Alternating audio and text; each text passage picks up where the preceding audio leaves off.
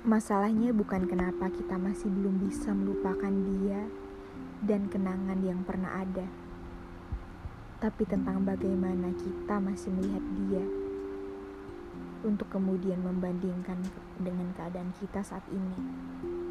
Dia yang sudah bahagia dengan pasangannya, dan kita yang belum juga bisa mendapatkan semua itu. Ingatlah, jalan hidup setiap orang berbeda-beda tergantung dari bagaimana kita mau memilih, berdoa, dan berusaha. Dia memilih untuk move on dan menjalankan hidupnya dengan baik, sedangkan kamu sibuk memandang hidupnya, bukan fokus kepada dirimu sendiri. Sekarang, cobalah untuk lebih fokus dengan diri sendiri. Lakukan apa yang belum pernah kamu lakukan Pelajari semua hal yang ingin kamu tahu. Kunjungi tempat yang ingin kamu lihat. Dengan begitu, energimu tidak terbuang sia-sia hanya untuk melupakan dia.